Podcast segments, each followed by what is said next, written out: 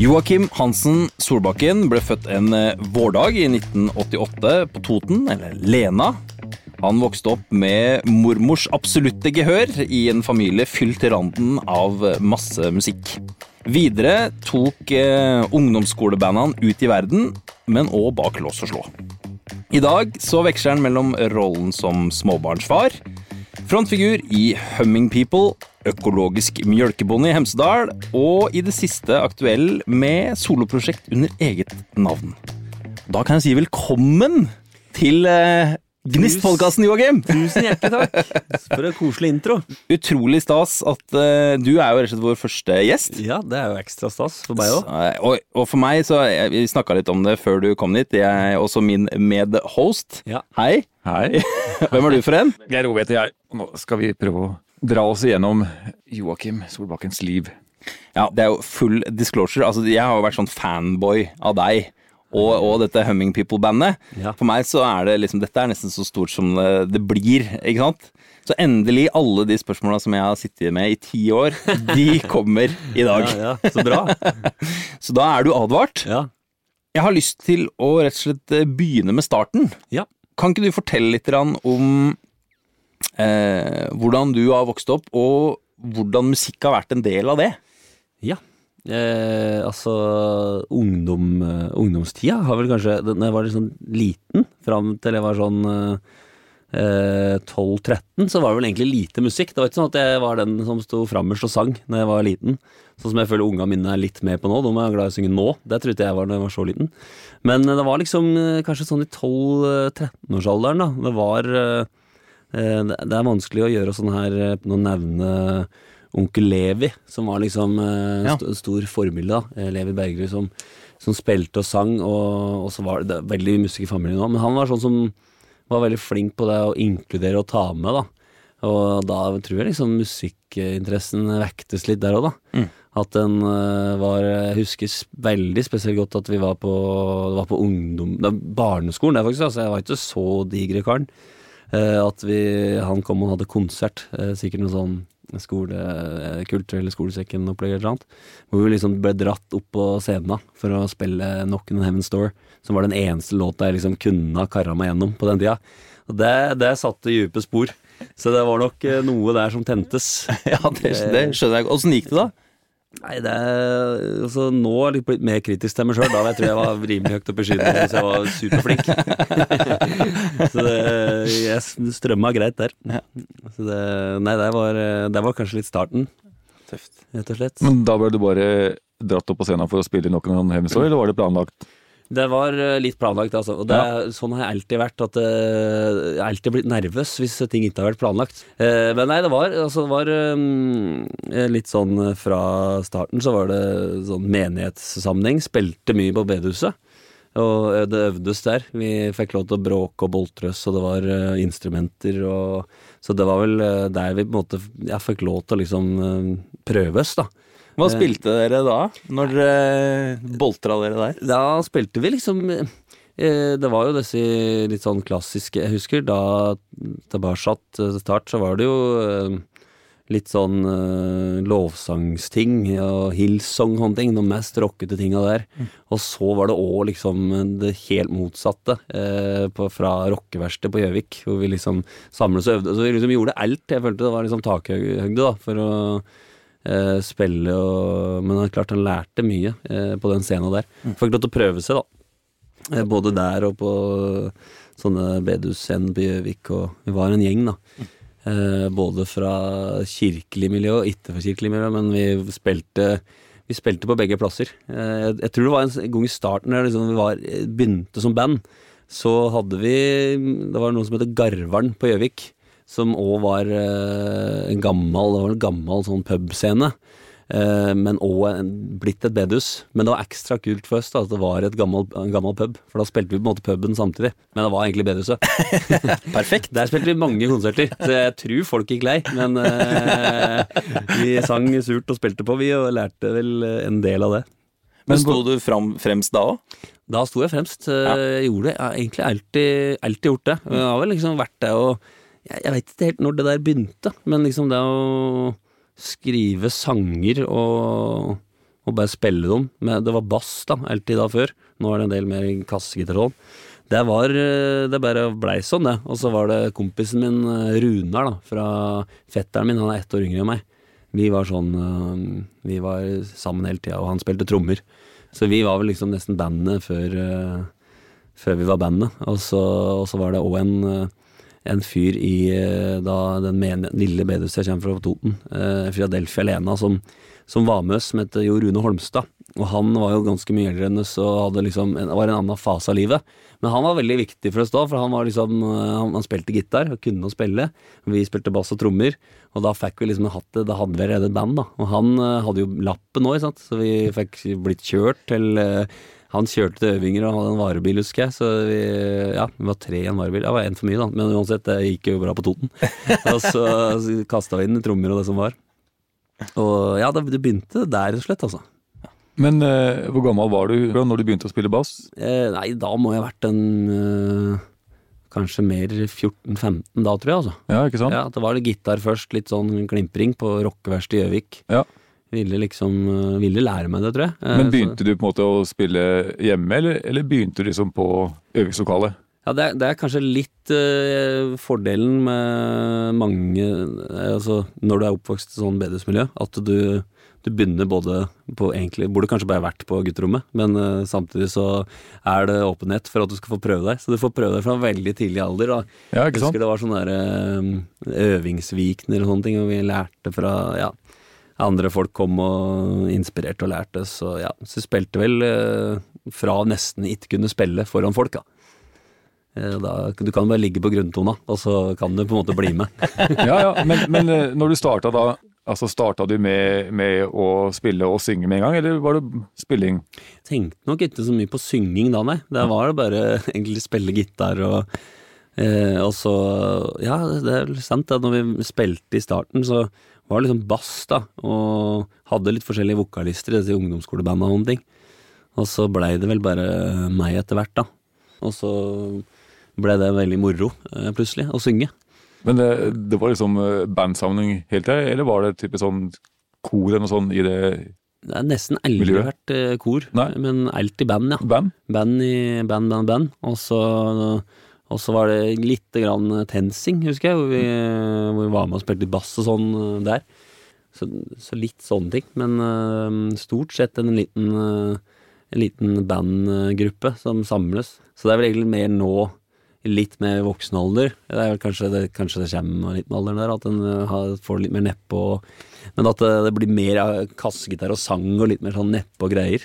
Man blir jo gubbete med åra. Man gjør jo det. Det er jo egentlig bare det som skjer. Ja, det er det. Ja. Det er, jo, det er jo bare sånn det er. Ja. Eh, Og så er det, man tror jo ikke det når man er eh, 22 eller 18 eller 19 eller 14 at man skal bli gubbete, men man blir jo det. Ja, jeg tror jo kanskje Jeg tror egentlig det er fortsatt, men nå gikk det opp for meg at ja. Det er jo det. Ja, men jeg, jeg tenker sånn altså Jeg også husker at den eh, musikken som fattern hørte på, liksom, det syns jeg var gubbete. Ja, Men det er mye av det jeg kan høre på i dag som jeg syns er bra. ja, ja. ja, ja, ja. Så det Men Det eh, rart, apropos det, kan du, kan du huske liksom den første altså vi, er jo såpass gamle at det, det var sikkert snakk om CD-er. Men Ja. Kan du liksom huske den første plata du kjøpte, liksom, eller i hvert fall først liksom musikken som, som liksom ikke var mamma eller pappa eller Levi sin, men som var din på et eller annet vis? Ja, jeg tror kanskje Altså mm, jeg prøvde vel å liksom, Hadde kanskje ikke noe helt spesifikt eh, sånn eh, slutten av ungdomsskolen, men så, så prøvde jeg vel å dyrke fram det her sjøl. Finne litt hva som var, eh, var meg, og hva jeg ville høre på. Og jeg tror jo egentlig det satte litt sånn standarden for hva slags musikk jeg lagde senere i livet. Og da husker jeg det var liksom en sånn Er det særoppgave det heter? Tiende klasse, eh, ungdomsskolen. Hvor det var Johnny Cash, da, som jeg skrev om. Ja. Og, eh, og da husker jeg at jeg liksom var litt opptatt av hver gang jeg var innom en platebutikk, eller et eller annet, så kjøpte jeg en CD av han. da. Jeg har aldri vært noen sånn stor musikksamler, men eh, jeg skulle gjerne ha noen CD-er av han. Da. Eh, og det, ja, det har vært egentlig litt sånn viktig for meg åssen sjanger det endte opp med å bli litt slutt, da. Utrolig mye kulere svar. Jeg tror eh, min første plate, Ja. det, som jeg liksom kjøpte, som jeg sparte liksom penger til, Ja. det tror jeg var Dr. Bombay. Ja, ja, ja. ja. Utrolig. Så det, liksom Johnny Cash det var veldig, veldig mye kulere svar Ja, ja. Litt mer kred over å Ganske mye mer eh, Johnny Cash. Ja, absolutt. Ja, det var mye når du sier det var mye Absolute Music og sånne ting. Det var jo det, definitivt. Jeg skinner til Dr. Bombay men jeg husker at det der, etter den der særoppgaven, så var det dyrke, prøvde å dyrke fram det litt, husker jeg. Men det var sikkert for jeg syns det hørtes litt kult ut da. Men var det, hadde du da hørt Johnny Cash og musikken, eller var det bare at du syntes det var kult, eller Jeg tror ikke jeg hadde hørt så mye på den. Nei? Det var, det var bare å finne en bare- person. Enten så var det Elvis, eller så var det Johnny, altså det, ble det Johnny Cash. Og så ble jeg nok litt fascinert eh, da.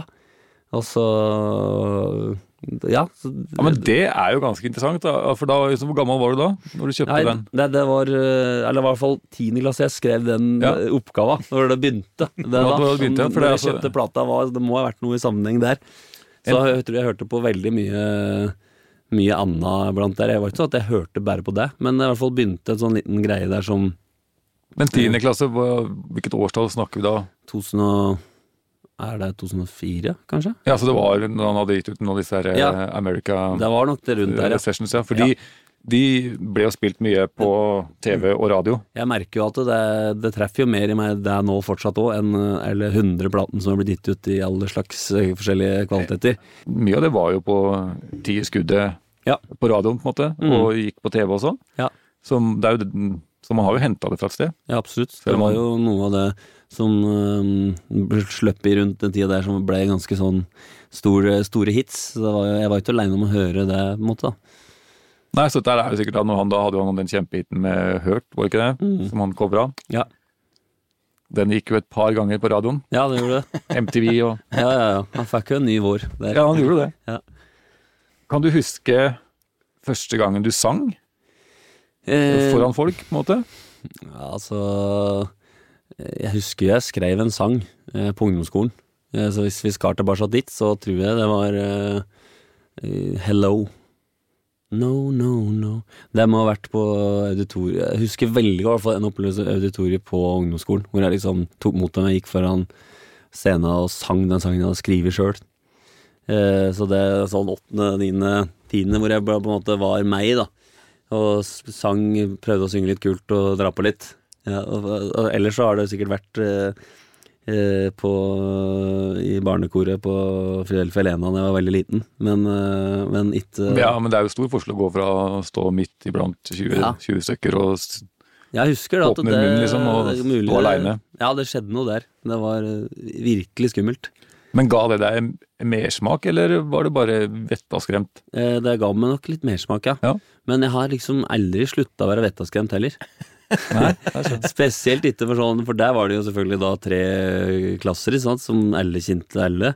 Så det er jo den dag i dag det skumleste en driver med, syns jeg, da. Det bærespillet for kjens, kjensfolk. Det er liksom når vi har vært litt ute i verden og spilt på andre ting hvor vi absolutt ikke kjenner en kjeft, da har det jo da kunne du bare skrudd opp liksom rockestjernenivået lite grann. Blitt litt tøffere. Det er liksom Det er på en måte lov å være cocky. ja, et eller annet der som Og da, da tror jeg jeg tror ikke du blir en dårlig artist av det heller, da. Hvis Nei, du har liksom sperra litt på, for det, nå må jeg være litt nedpå, nå må jeg altså, tenke på mange ting da, når det er mange kjentfolk. Så det, det Men eh, ja, det trigga nok noe der, og det var Det, det kosta mye, men øh, Og det gjorde litt vondt, og det òg var veldig betydningsfullt, da. Så øh, det er vel det at det skal koste litt, og jeg har vel tenkt at det, det er vel litt fint òg. Absolutt, jeg tenker mm. det. det. Er jo på en måte verdt mer. Ja. Det har ikke slutta å gjøre det, da. Altså da, da var det egentlig Ja, både, både kirka og puben spilte det du kunne til folk ble lei. Ja, ja.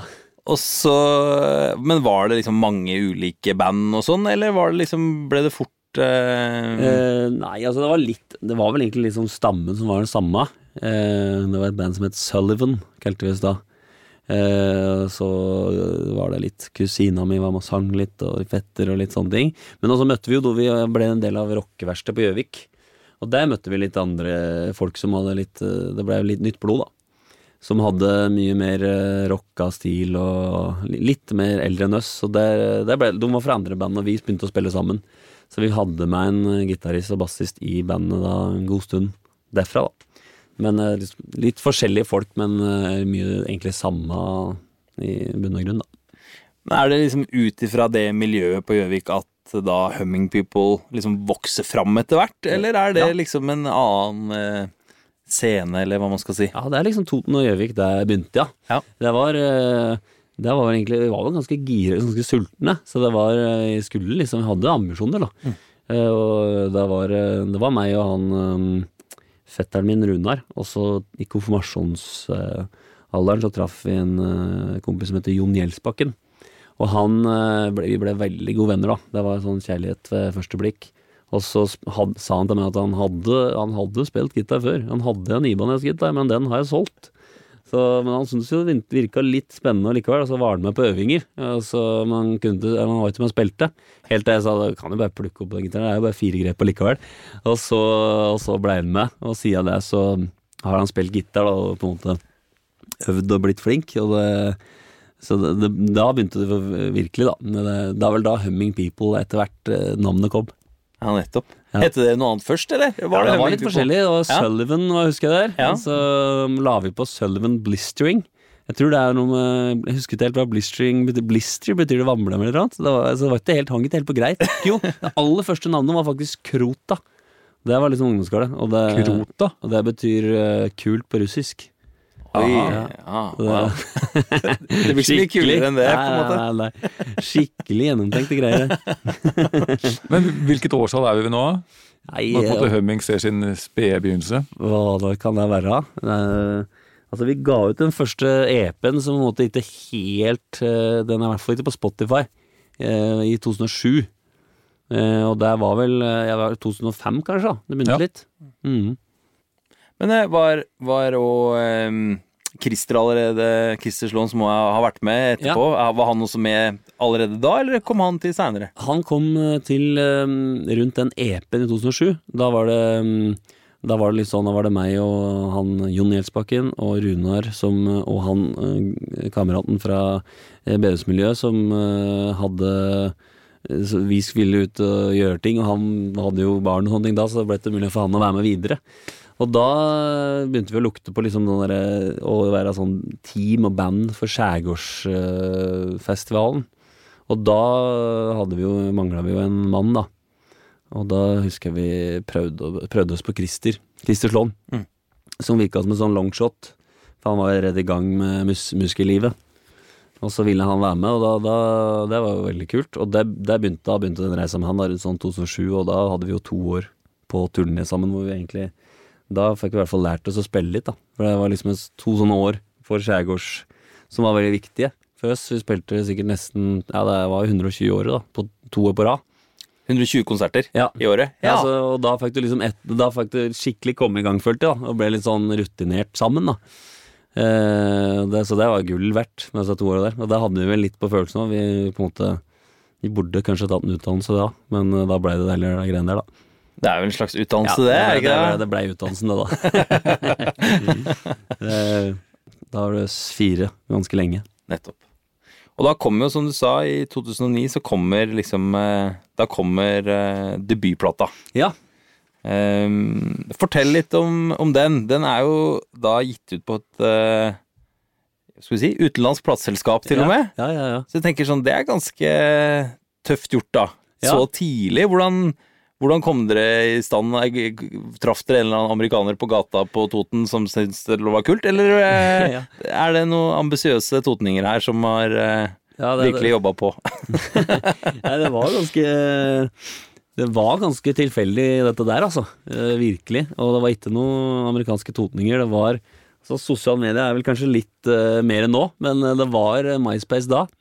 Eh, fantastiske ja, var, ja. Jeg var mye på det, altså. Vi hadde jo alle våre egne profiler, og så var det bandprofilen, og så var det og så satt jeg nok eh, Jeg ble å si at jeg satt timevis og sendte mail til masse amerikanske plateselskaper. Og jeg tror ikke jeg drar på så mye da. Jeg tror nok jeg sendte noen hundre mails. Så det var liksom eh, målet Det var drømmen, tror jeg. å liksom bli signa i utlandet? Ja, det var liksom Det USA? skulle være litt eh, Ja, det skulle være litt mer, på en måte. Ja. Det, det var USA Hvis det bare ble signa et uh, plateselskap i USA, så hadde vi, da hadde vi klart det, tenkte vel jeg. Egentlig, da, da, vi- da vi nådd alle mål. Men vi, hvor kom den drømmen fra, da? nei, det lurer jeg litt på, egentlig, altså. Det er artig det er, Nei, jeg veit ikke. Det var Nei, det var bare at det skulle bli stort, da. Det skulle liksom ta av litt. Har det noe sammenheng med at du begynte med Johnny Cash og Ja, det fikk i hvert fall litt sånn Det ble liksom limt sammen, i hvert Ja. fall. Men at det var eh, litt sånn den der eh, Det, ble jo sangen på engelsk, alltid synge på engelsk, da. Og, og eh, ja Tidlig litt inspirasjon derfor, så det kan hende hadde noe med saken å gjøre. Men eh, ja, og andre, andre band, kanskje. Amerikanske band. Men nei, vi sendte i hvert fall masse mails, så fikk vi plutselig, plutselig svar fra et plateselskap eh, som hadde hørt en av disse ikke så altfor bra demoa. Eh, og, og bare sa ja, dette vil jeg gjerne jobbe med. Eh, men det er jo ganske tilfeldig da at han sier at dere må, komme, dere må bare komme. og det gjorde vi, da. Så det var bare kom, kan dere til sommeren, liksom. Vi kan bo hos meg. Eh, og da, da gjorde vi det, da. Hva gjør du da? Når du, hvor gammel er du liksom her? Nei, Når du sitter hjemme på var, Lena? liksom, det var vel den sommeren mellom eh, disse to åra, da. Ja, ja, ja. Disse turnéåra. Så da var det seks uker i Portland, da. Hvor vi var i studio, egentlig, ha- hans. Og jeg, jeg skjønner ikke. Det, var jo tilfellet. Det det var rart. Det var, det var litt det at du, du følte Det var veldig stort å sette på det flyet og komme seg dit og hele pakka. Um, og så var jo han veldig sånn var sikkert 20 år eldre enn oss og um, skjønte vel at eh, her var det noen som trodde de hadde klart det eh, allerede. Så han, jeg følte at det var seks uker med liksom undervisning om åssen vi skulle på en måte ikke bli for høye på livet her nå. Og at dere har så utrolig mye dere må lære. Før, eh, og dere må øve, og dere må høre her nå. Og så, så hadde sånn, når jeg sto og sang, så hadde jeg en tuner. Så sa han 'nå synger du surt, nå synger du reint'. Nå kan du stå her på den boksen, og så kan du synge reint. Sånn. Så det var å lære seg, da. Det var, det var litt sånn skikkelig skolearbeid, det der, følte jeg. Så det var å uttale og Men Det høres ut som du, du på en måte Du dro til USA og traff janteloven, på en måte. Ja, det, det, det, det virker jo litt sånn, egentlig. Det er litt eh, Det er ikke akkurat typisk USA. Nei, nei, nei, nei. Han var kanskje litt sånn nedpå sånn sett, men han, altså, vi var jo unge, Ja. og han var jo litt mer moden. Så det kan hende at han eh, ante en viss umodenhet der. Han skjønte at det kunne gå rett skeis hvis det fortsatte. Ja, ja, ja, jeg tror vi fikk uh, landa litt, og, men vi spilte jo inn eh, Vi begynte jo å spille inn plata, da, så vi spilte jo inn nesten hele plata den, eh, den sommeren der. Dro vel tilbake en liten tur i jula etter òg, og fullførte litt. Eh, og så kom han en tur til, så det ble, vi tok opp litt forbrukslån her og der. Det var, vi var ambisiøse på alle mulige hold. Så vi, Ja, for det, det var, selv om det var et plateselskap, så er det selvfinansiert. Ja, det er egentlig det, altså. Ja. Så det var ikke så gull og grønn skog var det på en måte. For det, Du ble ikke superstjerne Nei, og det- fikk liksom en million på konto annet, før du fløy over og Ja, sånn. men egentlig burde du egentlig skjønt det, at uh, når du betaler sjøl, så er det ikke så gjevt. Eller kan de måtte reise over dammen en tur. Men, uh, nei, Jo, jo, det var noe å komme dit. Vi vel eh, Det var et veldig bra studio. Crossroads Productions, husker jeg. Det var et veldig stort miksebord, husker jeg. Ja. Men eh, betalte dere også for studiotida, eller var det plateselskapet som tok det? Eh, nei, vi han, Det var vel en god deal der, men Ja. jeg tror vi Det ble i hvert fall litt penger til slutt. Ja, det- Så vi må ha betalt noe mer enn uh, hver flybillett. Det var ikke sånn kjempedeal, den uh, plateselskapet-dealen der da? på Nei. måte. Sånn. Nei, det var Men eh, det er jo ikke bare bare det å så, så si altså bare da dra over dammen og spille inn plate i USA, bare det er jo kult. Ja, sant, det var, det var kanskje litt der. Vi ofra jo litt for det. Og Mm. eh, klarte å ordne det på et vis. Og spilte jo på en måte for å klare det, da. Så det var jo det vi betalte på med hele spillejobba. Det var jo denne den i plata, da. Ja, nettopp. Men eh, vi har jo hørt en del på disse skivene dere har gitt ut da, og den første skiva der, den er litt sånn Mm. skal jeg si, schizofren, kan jeg si det? Ja, den er jo kanskje oppsummerer jo litt alt det vi har prata om nå. Ja. Litt den der fra rockemiljøet på Gjøvik til å høre litt på Johnny Cash. Ja, jo, jo, men for det, for det, er jo, det er jo akkurat det, for du sitter og hører på dem. De første låtene er jo litt sånn rockete, litt sånn alternativ postrock, Ja, ja, litt sånn grunge og sånn. Åh, det var litt moro når jeg tenker meg om. Jo, jo, men og, og det svinger jo av låtene, men plutselig så er man jo over i americana eller Mm. eh, roots-bagen. Ja. Ja, det var um, han Darren Bowles, da, som vi traff i Red Am Records der den første sommeren. Så det er derfor jeg føler at den, den lille reisa der som var veldig tilfeldig og sånn sett eh, utrolig at vi skulle ende opp der, var veldig sånn viktig for uh, meg som person og uh, liksom låtskriving hans. Da. da var det vel det at han prøvde liksom å finne ut hva er det vi egentlig er gode på. Eh, er vi egentlig gode på å liksom spille tight rockemusikk, liksom? Nei, kanskje ikke det. Men så satt vi ute i en sånn leirbål langt ute i skauen i USA, litt sånn som vi kanskje drømte om. Og så spilte vi da noen Johnny Cash-låter. Da Da satt vi og spilte Ring of Fire. da Og da sa han liksom han fyren at her her har du noe Her, her har dekt noe, her har du noe sånn stemmemessig. Her må du, dette må vi jobbe videre med. Og da sa jeg ja, jeg har faktisk lagd det litt sånn countryriff òg, og, så- og da balla det på seg.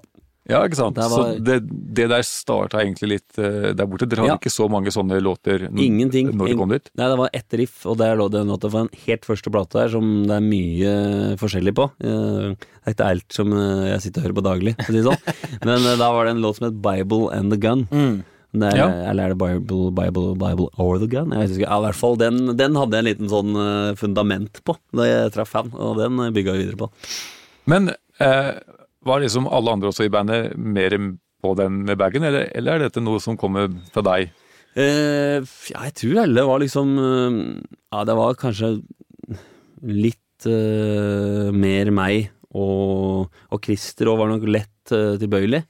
Eh, Kristersson. Og så var um, de andre og Jon da har kanskje liksom gjort at eh, Som har vært litt positivt òg. At han har hatt lyst til å spille de andre ting òg. så det har liksom blitt litt, litt rocka eh, country. Altså at det ikke har gått rett ned på bare, bare bluegrass. Men at det òg kunne vært litt stort. da Så jeg føler at det liksom har vært eh, På grunn av at vi har liksom vært forskjellige folk, så har det òg vært litt sånn Litt rocka. Og, og så kan noen ha hatt lyst til å ta det helt ned, mens andre har lyst til Så da blir det litt sånn miks, da. Ja, for det er jo også Jeg mener, husker at det er på den skiva også, det er mot, mot slutten av skiva så er det en låt som er veldig U2-aktig Mm. Også. Ja, den er jo faktisk eh, ekstremt YouTube. det- nesten nesten kunne jeg- litt skummelt. Hadde du bare satt på den låta jeg ikke hadde visst hva det var, så hadde jeg kunne trodd at det kanskje var en U2-låt. Ja, ja, ja. Ja, det var jo eh, sant, det. Det var jo han uh, Christer som begynte med en delay-gitar, da, så var det så var mye gjort.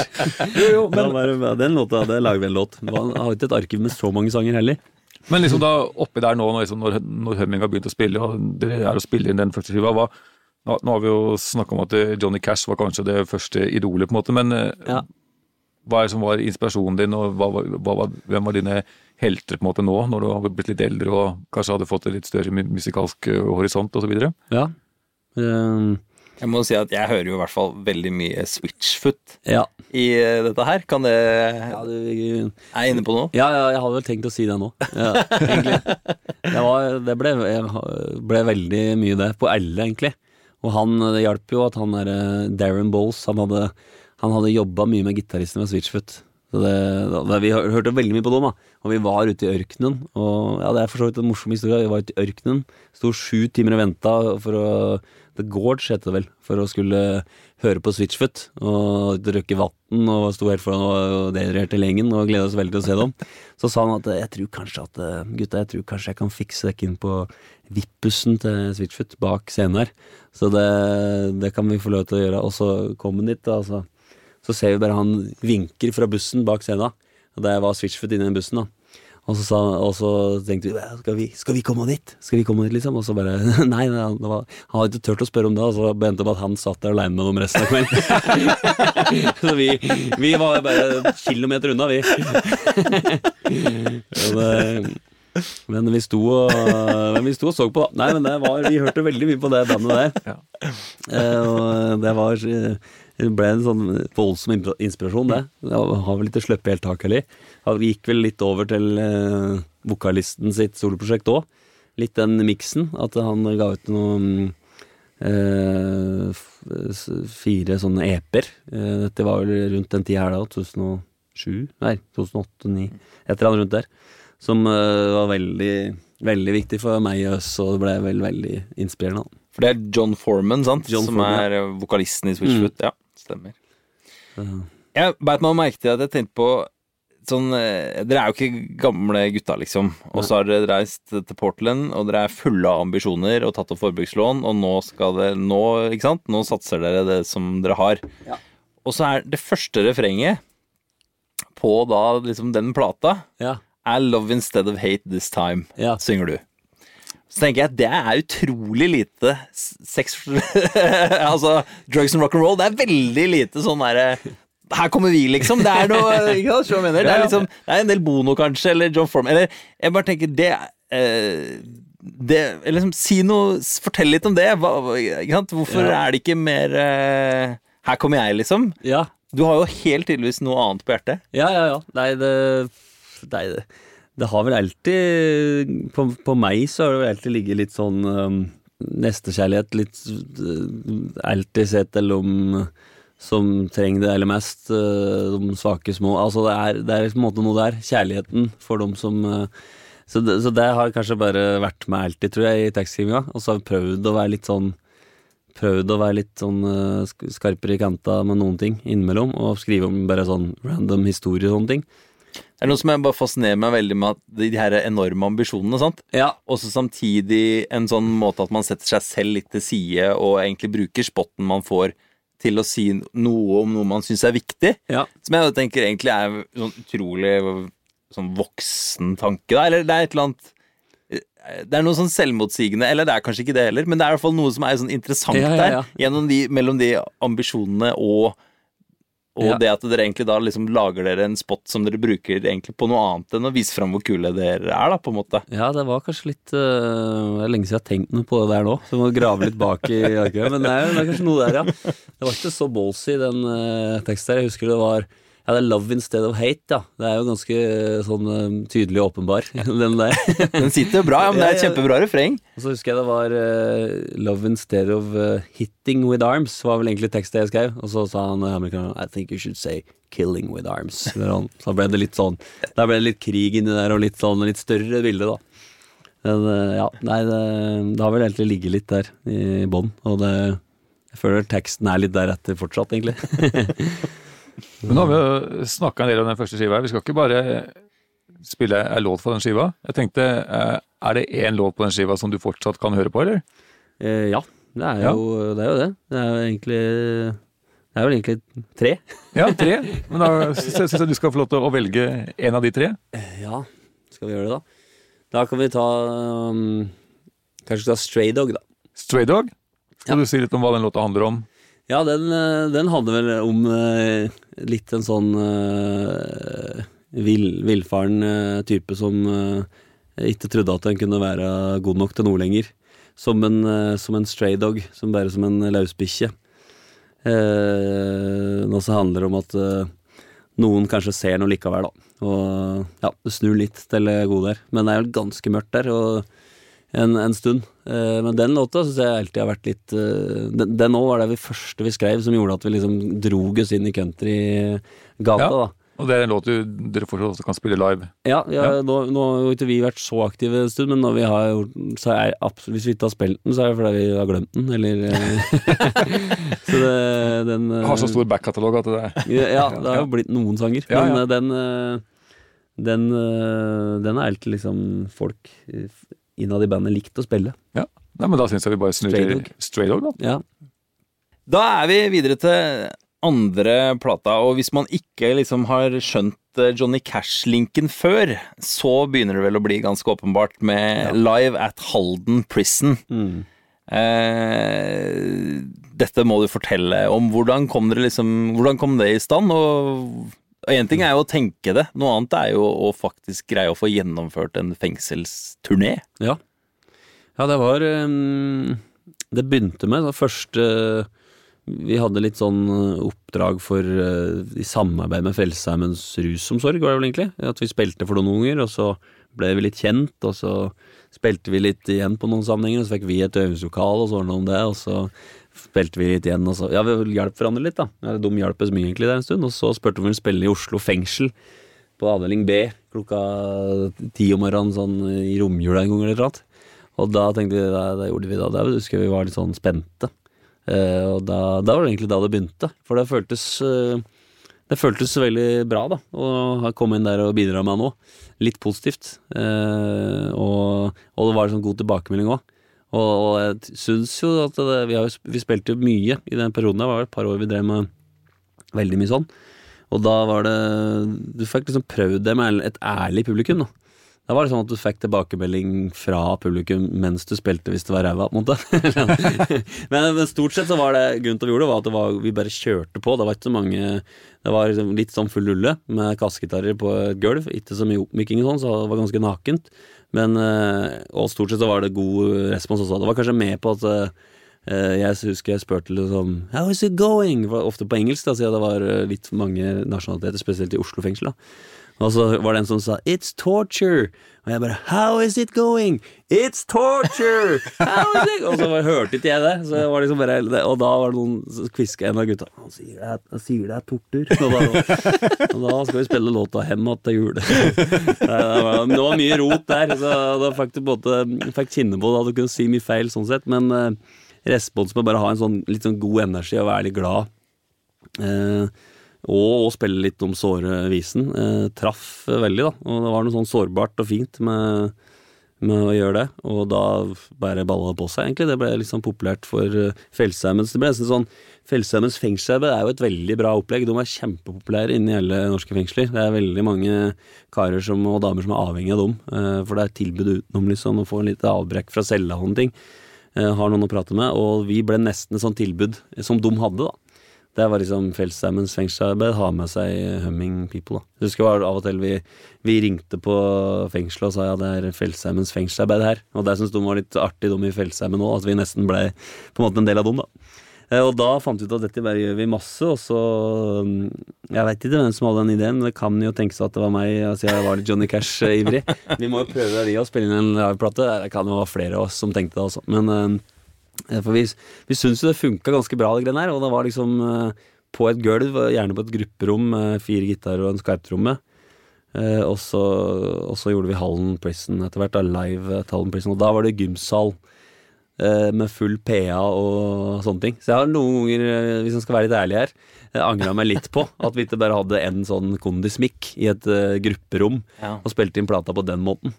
Eh, og fikk den stemningen som på en måte egentlig vi syns det var, da, over nesten 250 konserter eller noe. Mens den, Det var såpass mange konserter? Ja, det ble, det ble såpass mange, ja. Over, ja, Var det på et år, eller var det ja. Det var vel over en periode, Ja, ja. og så var det noen eh, Hadde vi en intensiv hvor vi gjorde Og så var det sånn eh, noen, Det var jo på grupperom, så vi gikk og gjorde fem konserter i løpet av en dag og sånn. Rundt Mm. om, bare tok med gitar. Altså, det var jo litt annerledes enn sånn eh, konserter med full rigg og sånn, men det ble jo ganske kjørt da i huet etter fem sånne grupperomskonserter. Men også var det også, vi hadde også noen fra det skjærgårdsdemmet, og for sagt da, fra det skjærgårdsturen vår, så hadde vi en som het Paul Tvedt, som sånn, ble en manager som plukka oss opp, og en som heter Roar Eikli. Eh, som eh, var sånn manager Roar, har ført oss hele veien, egentlig. Og han var med og hjalp oss med den konserten i Hallen fengsel. Han hjalp oss med egentlig alt. Og han, sånn, som, han tok jo nesten noen forbrukslån, han òg, på våre vegne. Så han var sånn skikkelig femte medlem uten å være det, da. Og han eh, var vel med og hjalp litt her og drog litt i tråder og hadde tett samarbeid med, med Fjellsteinens fengselsarbeid, da. Men eh, nei, det, var, det ble jo veldig spennende. Da. Det var veldig Det kosta litt å spille inn den plata, og um, syns jo det var eh, artig, egentlig. Altså, Nå kom jo den skiva her i 2011, Mm. så da har det gått noen år siden første skiva. Ja. Så hadde da i, den, altså, i disse åra hadde det da kommet flere americana- eller countrylåter. Eh, Ja. Ja. Ja, i vårt eh, Vi hadde nok begynt å skrive litt mer sånn da, ja. At det var litt mer i den gata. Ja, det, men det er jo gøy at du sier at det, For jeg har alltid tenkt at den plata låter så svært på et eller annet vis. Ja, ja. Ikke sant? Også at det, egentlig, det var liksom ikke egentlig det dere Du gjorde ikke 250 konserter med den, Nei, gjorde, den pakka, da? nei, vi gjorde to sånne og det er Ja. den. ja, ja. Det trenger vi ikke å si. Nei, Nei, nei. nei. ja, sagt det, da, men ja, ja.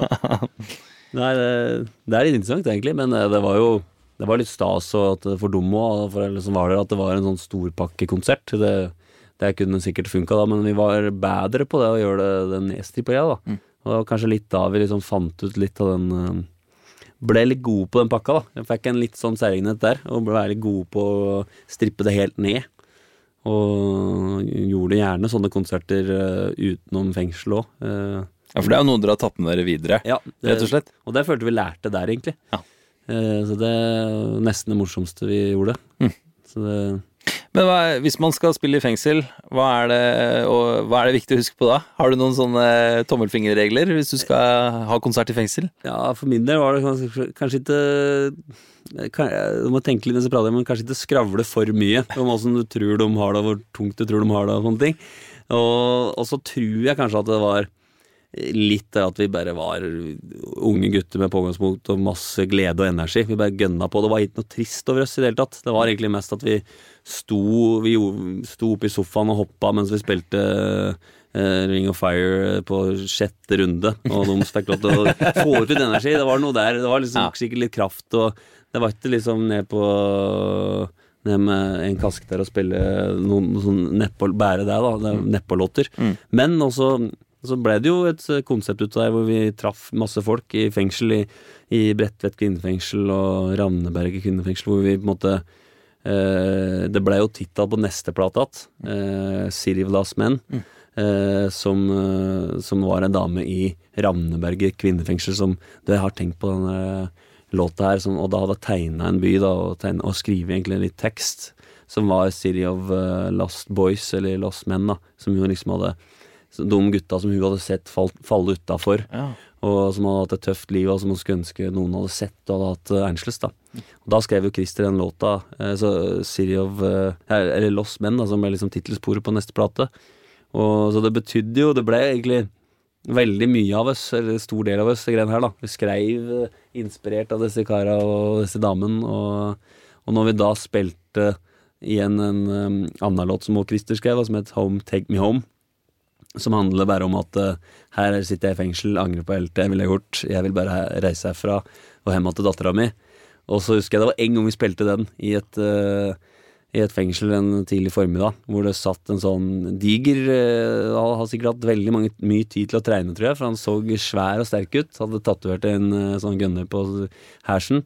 Og så spilte vi den, som er veldig sårbar, da. Og så gikk den ut, og så tenkte vi bare dette ble, dette ble for kleint for han. Og så syntes jeg det var litt ubehagelig å synge resten av den. Og så kom han eh, inn etterpå og sa at det liksom dette ble, dette ble for mye for meg. Jeg måtte bare ut og, ut og grine litt for meg sjøl, og så kom jeg inn igjen når den låta var ferdig. Så jeg husker at sånne ting satt jo veldig i sporet, så det ga my, veldig mye mening. da. Og spesielt når du liksom prøver å bli, bli noe, og så er vi jo til sjuende og sist ikke rockestjerner likevel. Så det, når vi spiller rundt, så er det ikke sånn at det er fulle saler og alle går eh, mann av huset for å høre oss, men her er det liksom noen som virkelig betyr noe for å høre akkurat det vi har kommet med. Det satt jo veldig spor og føltes veldig betydningsfullt. da. Ja, det er utrolig. Tenk at musikken man har lagd kan få lov til å bety noe for folk. Det er Ja. jo kanskje det det liksom kommer ned til, ikke sant? Ja, ja. At det, folk kan bruke det til noe, eller Ja. lytte til det, ikke sant? Det er, det er noe få, så er det bra. Så er det bra. ja. Jo, men det er jo sikkert mye med det. altså Hvis du treffer noen få, liksom, så er det samme hvor mange som er på den konserten. Så Ja. du har, ikke sant? Da føler du at ja, da må det være noe, må det være noe akkurat med den sangen, eller det vi gjorde da som funka, da. Ja, ikke sant? Men jeg tenker nå, så Før vi går over på den eh, neste skiva, så er det bare en ting vi har glemt her. bare, for jeg tenkte sånn, På den første skiva, og for så vidt de låtene dere skriver liksom eh, opp mot uh, Live at Hallen uh, Prison, da. Mm. Hvordan er, hvem er det som skriver eh, låtene i Humming People? Ja, altså, det begynte jo med bare meg, for det, det var Ja, det var egentlig meg. Altså, ja, han Jon skrev kanskje bitte litt, men eh, stort sett meg. Og så kom Christer, og så begynte han å skrive eh, ganske mye.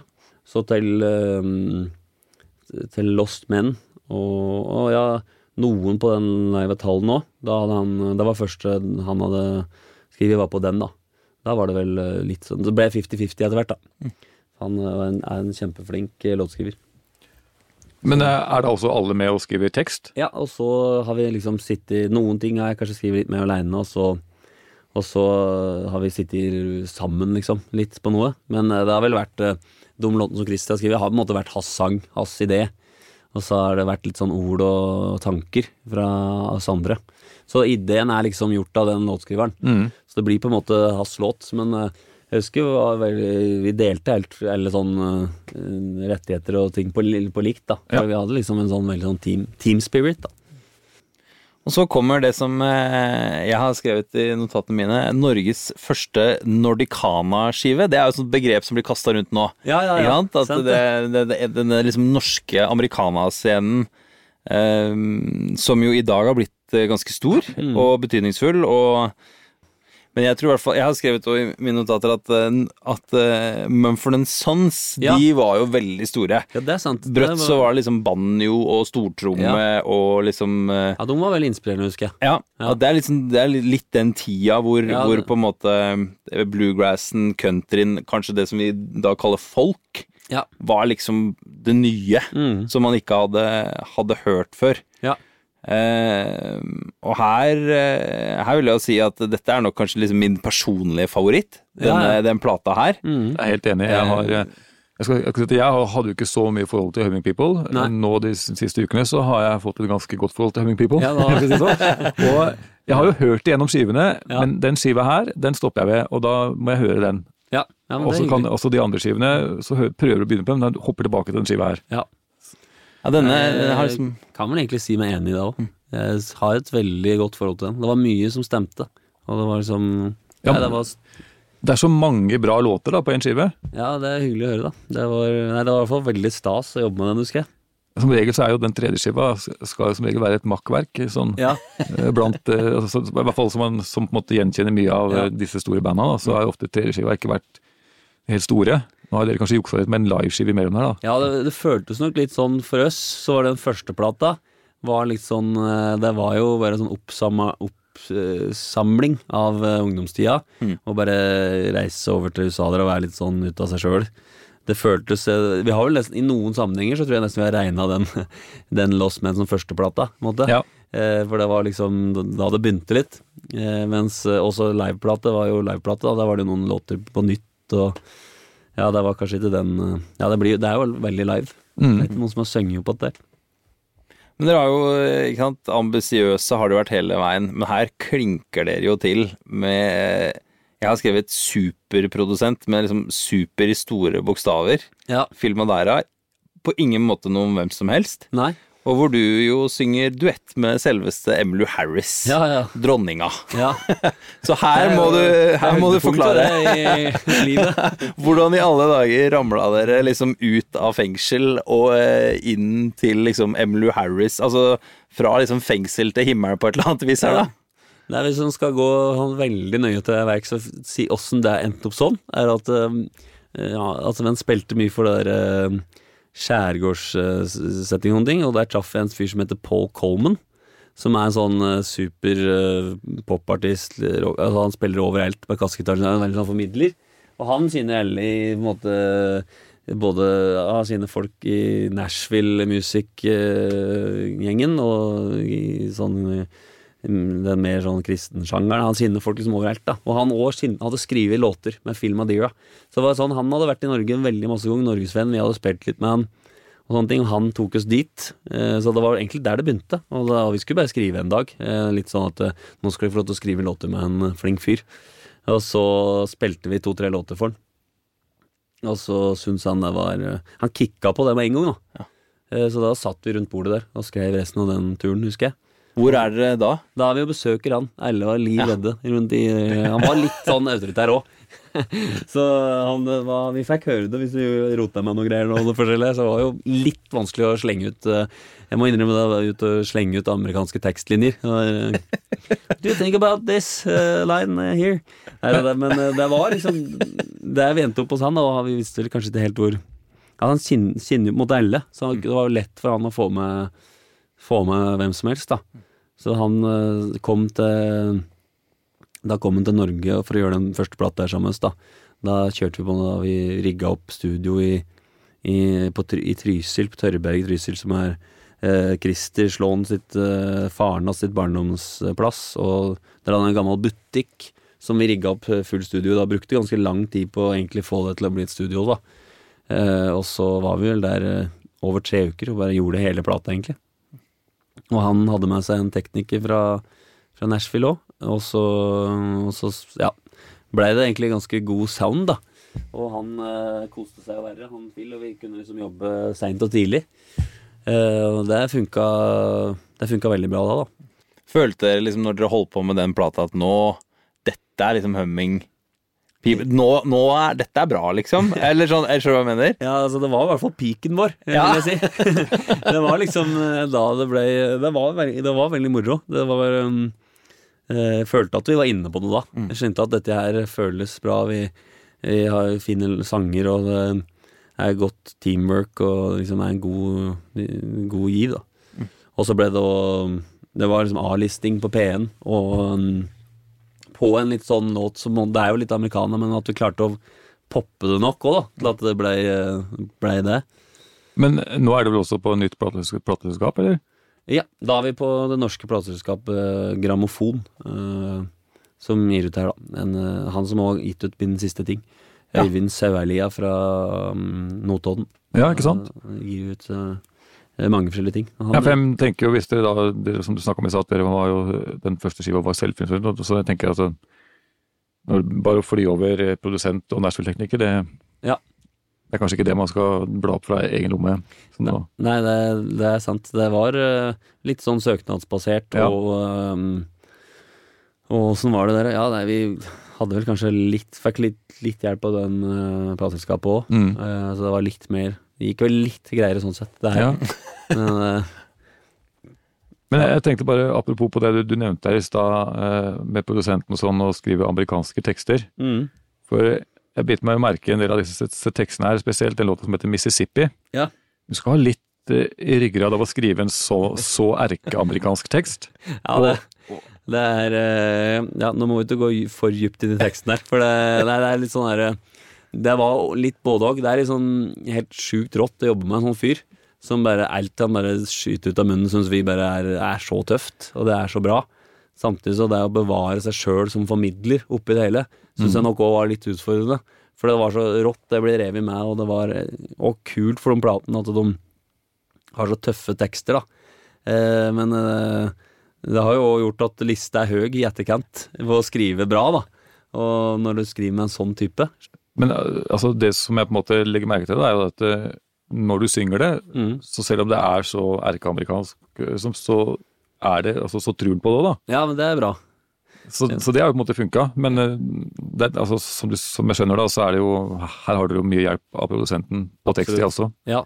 Det blir på en måte en sånn en litt annen type fortell, fortellingsmåte, da. eh, Fra hans perspektiv, enn fra Det, det skal liksom vanskelig gjøres om vi kan eh, Eller altså referansen hans var jo så morsom og oss, for jeg har sett på amerikansk film og altså disse tinga. Det bare føltes veldig kult, da. Eh, Men det er jo referanser til vi kunne kommet med. Ja, for altså, den låta der kunne jo vært med i type, altså hvilken som helst eh, westernfilm. Type eh, Young Guns. eh, Altså, ikke Ja. Med, Han, eh, har, sikkert, han har sikkert skrevet noe. der. ja, ja, ja, ikke sant? Ja.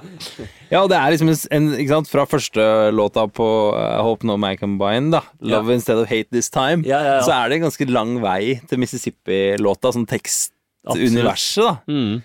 Um, det det syns jeg jeg merker. Men eh, jeg synes vi kan, kan vi få lov til å velge oss eh, Mississippi til å høre på fra denne plata? Ja, ja, ja. Absolutt. Ja, men da snurrer vi Mississippi, så dere får høre. Yes, takk Joakim for at vi fikk høre Mississippi. Hvis du skulle trekke fram en eh, låt sjøl fra den plata, hva skulle det vært? Uh, jeg syns jo den du spilte der er ganske, ganske kul, da. Mm. Uh, tøff uh, i den type sjangeren. Men altså um, eh, Jeg har ikke skrive den sjøl, men jeg er veldig fornøyd med liksom framførelsen og, inn, og innspillinga av uh, Waitin' on Satan, Mm. som er uh, inni der en plass. Ja. Og så kommer det da til eh, det som i hvert fall så langt er uh, Humming Peoples siste plate, Caravel, i 2016. Uh, hvor det fortsatt er Phil Malera som er produsent. Ja. Hvordan er det Det går to år imellom der, og dere gjør jo eh, Dere spiller blant annet på Rockefeller, gjør dere ikke det? Med den City of Lost Men-plata. Ja, ja, jeg er ganske sikker på at jeg var på den konserten. ja. ja. Mm. uh, og sto, sto fremst der og eh, hoia. Men eh, hva gjør liksom den plata for dere? Hva, hva skjer liksom i etterkant av den? Nei, altså det kunne gjerne skjedd enda mer, eh, sånn sett. Eh, men eh, det, det var kanskje Det nå skjedde litt rundt. Det var liksom en A-listing på P1, og det var litt sånn Spille litt eh, Det var jo en del spilling etterkant. Vi hadde en eh, USA-turné. Det var vel i etterkant av den, faktisk. Før, eh, før den neste plata. Og vi begynte å skrive litt på den turneen til den neste plata. Da var vi sånn fem ukers turné rundt i USA. Men den det var, husker jeg var veldig stas. Men hvordan var det der å turnere i USA? Nei, det var, en, det var et høydepunkt, det, altså. Ja. Det var utrolig moro. Skikkelig kos og mye liksom god Det var jo sånne små puber og Men det var liksom ofte ganske greit med folk i de øh, små og fine plassene vi var, da. Så det var skikk Og hadde noen sånne stuekonserter sånn, og det var Roar Eikli, da, som Sånn partneren vår og manageren, som hadde ordna hele opplegget. Eh, og han måtte sitte noen timer, altså det var bra han hadde ordna bra folk som hadde liksom hatt litt hjerte for at vi skulle ha en god opplevelse. Men var det altså dere på turné liksom, som headline, eller spilte dere Ja, vi på turné, men det var jo mm, Det var ikke, sånn, det var ikke store, store plasser, liksom. Så det var, men eh, vi hadde navnet vårt her og der. Vi Ja. spilte med noen andre. Ja. Eh, I Texas så husker vi spilte med en som heter Laney Wright. Som liksom, hun har vært litt i Norge noen ganger, sånn, så vi gjorde noen konsert med hun. Og så litt andre band rundt der, faktisk. Altså, noe sånne splitt var det faktisk her og der. Men eh, det var liksom ofte øst da, som var på noen lo locations. Og det var å kjøre rundt i van, eller? Ja, det var faktisk det.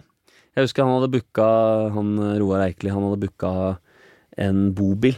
Sånn nimeters bobil. Som Ja, vi bare skulle plukke opp i Houston. Og så skulle vi bo i den i fem uker. Eh, og så kom vi på at ni meter er ikke nesten Er det samme som en buss, omtrent? Altså bare ingen, ingen av oss kan kjøre buss. Og så var det sånn, skal vi ut i liksom der femfeltsen i Houston og kun ha kjørt eh, Kun ha kjørt eh, Ford Escort, omtrent. Så det, var, eh, det ble litt voldsomt. Så da, da fikk vi ordna da, da, Vi kutta ut da vi turte til det. Så jeg angrer meg litt nå, men eh, Men eh, nei, altså det ble litt eh, diverse eh, overnattinger. Hvor mange stater ble, ble det? Jeg husker ikke helt, men det var, vi begynte jo faktisk i Texas og endte opp i, i New York. Og hadde vært en tur i Florida. Og så, så det var Det blei jo noen, da. Det ble noen kilometer? Ja, det ble mye Eller kjøring. miles? Ja, det var, det var moro. Det var, ja. Men, eh, men dette var jo liksom før Det er vel kanskje å dra langt å si at den norske americana-scena i dag liksom har inntatt USA Ja. på den måten, men samtidig så var det vel kanskje ikke så vanlig at det kom en gjeng med liksom eh, superambisiøse nordmenn som synger på en måte da egentlig liksom amerikansk folkemusikk. Hvordan, eh, hva, hvordan reagerte liksom amerikanerne på at her kommer det noen som eh, som på en måte prøver å gjøre det, det vi gjør best, da? Nei, Jeg tror de synes det, jeg fikk inntrykk av at de syntes det var morsomt. Og så har vi alltid hatt litt sjølironi òg, så liksom kødde litt med oss sjøl. Jeg tror, jeg tror fikk inntrykk av at det egentlig var liksom Gjorde det ekstra artig for dem, da. At vi var liksom nord nordmenn, og du hører at vi er norske på en måte. Men vi prøver å gjøre deres øh, Det er der vi digger, er det på en måte der de kommer fra. Jeg følte det var litt sånn respekt der. Liksom var litt sånn Det funka veldig bra, det, altså. Det var Eh, det var, sånn der av og til når Jeg husker jeg gikk på scenen en plass og sa sånn How you doing, y'all? Og da lo alle. så det, jeg, sånn, det er ikke mye jeg trenger å gjøre her for å få folk til å lette på smilebåndet. og, husker jeg, og en ting jeg, som jeg var fornøyd med, var at han filmen Madrigal spilte før oss. Da det var i eh, Woodbury, heter det. Det var ikke så langt unna Nashville. Og det var et sånn lite lokale. Veldig lite, egentlig, men det var, jeg elska det jo. Det var eh, ganske fullt og lite. Og så, sa og så sa han liksom før han spilte I used to play the big rooms, sa han sånt, og så syntes jeg folk var litt artig. Så gikk vi på sånn um, time senere og sånn I used to play the small rooms, eller noe. jeg husker jeg at det var eh, Det var god respons på. det, var, det var ikke den store plassen. Det var, det var en bitte lita kirke som var gjort om til en pub, husker jeg. Det var Det går liksom igjen, det. Kirka og puben. det er der det begynte. Full circle. Billedlig, ja, ja faktisk. Fortsetter sånn òg. Det blir jo ikke mer outlaw country enn en det, da. Det er jo veldig sånn. Steve Earl hadde vært uh, fornøyd. Men er det fra de lange kjøreturene der at eh, Caravel, da, som den siste plata i 2016, er det der uh, den kommer fra, eller er det fra norsk karavelle på norske veier? Ja, det er vel litt det òg, egentlig. Det var jo eh, Det var jo Vi hadde en karavelle som vi kjørte mye rundt med her. Og på eget initiativ og nesten booka mye spillejobber sjøl. Så det er litt den reisa der. Og, og, litt, og, og litt på veien der skrev vi litt av, faktisk. Eh, Sammen med han Vi var innom Phil og skrev noen sanger der. Um, og ja, det var litt sånn reisa, på en måte. gå litt fra Å gå litt fra gutter til menn og Mm. skrive plate. Ja, det var, det var nok litt generelt reisa. Eh, Carol Shiva også spilte inn eh, på samme måte, samme sted i Trysil, stemmer det? Ja, stemmer. Og det, altså det fungerte jo tydeligvis veldig bra på den eh, City of Lost Men. Ja. Var det litt det som var tanken? Hvorfor forandre det når det fungerte så bra sist? Ja, jeg tror det, altså. Det var, det var skikkelig moro første gang, så vi prøvde å gjøre det omtrent samme. Det var vel sommer og vinter, så det var en litt Det husker jeg var litt grann en nedtur. For det, var, det er noe med den derre å bare stikke en liten tur ut på dammen og ro litt på båt og ja, bare da- lyse, sommernetter mot en sånn kald vinter. Det var litt forskjell, men uh, Jo, men, og da er den siste skiva her, altså den Caravan. Caravel, er spilt inn på vinteren. Ja, Det kan jeg nesten høre. Ja, det, det, er, var en, det er jo en veldig annen Jeg er jo sjøl i en annen litt annen sinnsstemning da. ja. Det, men det var, var veldig fint da òg. Husker vi åt veldig mye Kvikk Lunsj. Husker Jon kjøpte sånne stabler. Så det bare lå, vi kunne bare ta så mye vi ville. Det var en del av budsjettet på en jeg. Men eh, det var, et, det var faktisk forskjell, to forskjellige bygg. For det ene første bygget som spilte City of Lost Men, hadde noen eh, gjort det til bolig. Oh, ja. Så det, Så du måtte bygge studio på nytt. ja, gamle farfars eh, hus til han Christer hadde da noen tatt over. Hvis du skulle valgt deg en låt fra Carowell som vi kunne spilt, hvem skulle det vært? Hmm. Ja, da, da, da må jeg tenke meg litt om her. Jeg kanskje um, Get By. Ja. Ja. Hvorfor det? Hva er det med den låta som uh, stikker seg ut, syns du? Jo, den, eh, den stikker seg ut på den måten at vi hadde en sånn Den blei til på en helt annen måte enn andre sanger, som er litt sånn sitte på gutterommet med kassegitaren. Ja. Da var det sånn han eh, Jon sto og spilte bass, og så spilte jeg elgitar-riff. Og det er jo det morsomste jeg veit, å spille elgitar når det ikke betyr noe. Sånn uh, gitarsolo i hjørnet. Og egentlig, og så var det den, det riffet jeg spilte, som både Christer og Jon kicka på, som egentlig er riff på den låta. Som også spilte Christer trommer. Så at vi bare koste oss, og så tok vi det på mobilen, og så var egentlig det nesten Get By, da. Ja, ok, wow. Og så um. Og Så så fikk må, du en live- og så må du gitte høre nøye etter hvor inspirert den er av Creedence, uh, en Creedence-låt. Uh, Jo, men det, det, det hører jeg, altså. ja, det er, det, er, det er noe der. Men uh, Men det må være lov. jeg må love å stjele ja, det syns jeg. Låne. Ja, låne litt, Ja, ja. ja, ja. så hører man kanskje nå at dere også har litt inspirasjon fra John Mayer, kanskje? Ja, det, Ja, det er- skal vanskelig unngås, det. ja, ja. Sånn sett. Det har jeg hørt mye på han, da. Nei, men da hører vi den. Du Joakim, jeg tror Creedence hadde vært eh, stolte av det her, altså. Det er bra. Absolutt. Det er jo ingenting å skamme seg over. Nei, det er hyggelig å høre, da. Men da har du jo Dette er jo eh, det siste, den siste plata så langt som Humming People har gitt ut. Ja. Etter, etter dette så blir det jo på en måte i hvert fall mer stille enn det har vært. ja, absolutt. Hva er det som, eh, er det som skjer her? Um, nei, det, det er godt å si. Det, det er jo kanskje litt sånn uh, en jobber mye ambisiøst og bruker all, all sin tid på det. Eh, og så er det og så lønner det seg jo ikke, sånn rent og får jo livet til å surre økonomisk og sånne ting. Og, og få Nei, altså li, Når du begynner å liksom etablere deg litt og sånne Mm, ting, så ja. var det kanskje noe der. Og så var det kanskje òg litt da at eh, en skulle, skulle typisk ønske at det ble plukka opp enda større grad, da. Eh, begge liksom de to siste platene der. Mm. Og så burde kanskje gjort noe Jeg tenkte kanskje at vi burde gjort noe annerledes med den, med den eh, siste plata. At vi ikke på en måte var egentlig eh, ferdig nok med den. da Til At no, mange nok hadde fått med seg at den egentlig var gitt ut, til at vi hadde guts til å skrive en ny en. Eh, og så var det liksom bare det vanlige. Vi ble voksne i større grad. Og det var litt eh, eh, etablering og sånn. Mm. Eh, og så har vi vel aldri aldri sagt at vi har lagt opp, på en måte. Men det har jo vært litt sånn at det er en pause, og at det plutselig kan komme en, et, et album at hvis vi gir litt, gir litt tid. Kan, det er ikke utenkelig. Vi hadde jo konsert i sommer, faktisk, hvor vi hadde spilt sammen på Da hadde vi faktisk spilt sammen på to år. Og det, det var liksom Det var litt sånn Litt som å sykle, følte jeg. Sjøl om vi sikkert var mer rustne enn vi hørte sjøl, så var det veldig moro. Så det kan, det kan bli mer. Ja, men Det er godt å høre, da. Ja. Som litt sånn eh, fanboy, så må jeg jo det, det gjør meg veldig glad. Jeg Ja, ja. håper virkelig det, at det kommer noe Ja, Jeg mener jo virkelig det at det, dere, dere hadde noe helt sånn At dere hadde noe helt sånn spesielt. Og for Ja. min, min del så var det på mange måter liksom første møte med veldig mye av liksom det som har blitt americana-scena. At Ja. liksom gjennom Humming People så ble jeg, ble jeg liksom litt introdusert for det sjøl. Ja, ja. Så det var veldig sånn. Ja, vi var ganske tidlig ute på den greia der. mm. Eh, Det husker jeg òg, egentlig.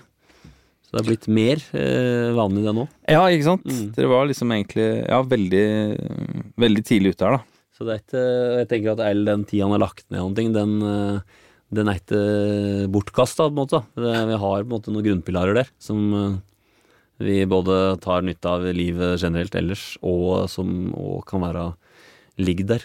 Hvis Ja, det- vi plukker det opp igjen. Og så er det vel også noe med den akkurat eh, i den tida der når den skiva her kommer sånn, det vel, da skjer vel dette, den der forandringen i musikkbransjen også med alt, alt baserer seg på én og én låt med altså Ja. Spotify og alt sånt nå, og det skal være hits, og du må, Det- være, du må være mer på Instagram og TikTok og sånn for å liksom bygge fanskare. Mm. Og det er kanskje ikke det typiske for et amerikanerband. Nei. Det er eh, skjedd en veldig forskjell der òg.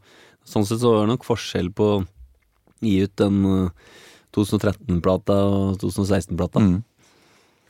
Ja, for jeg husker dere, var, dere hadde jo liksom vlogg og sånn. Det var jo dere gode Ja, på. vi var gode der en stund, altså. Ja, ja, ja, ja. Så det var jo Vi hadde jo supermoro med det.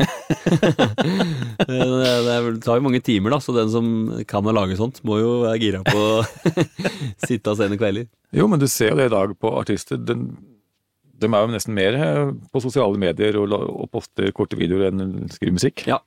Det er en meget viktig del.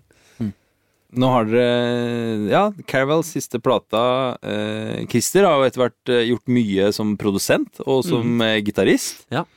Eh, du har blitt eh, økologisk mjølkebonde i Hemsedal. Ja, ja. Og soloartist. Ja.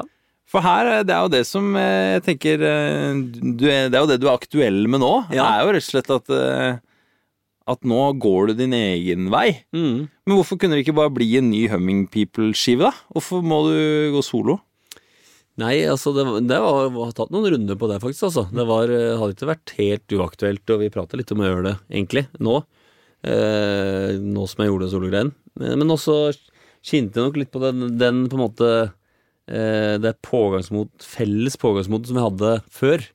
Det var liksom ikke, lå ikke så lett tilgjengelig. Nå bor jo um, jeg her, de bor litt spredt. Og vi, så det, det var veldig annerledes da enn det var før, når vi var liksom en sånn guttegjeng som bare så den hele tida. Mm. Eh, og det er egentlig der vi var, da. Og så må man på en måte prøve å finne seg sjøl litt på nytt, da.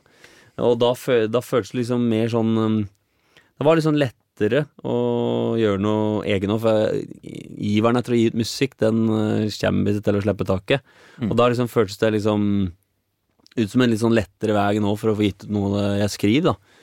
Enn at det måtte gå gjennom den uh, kanalen der.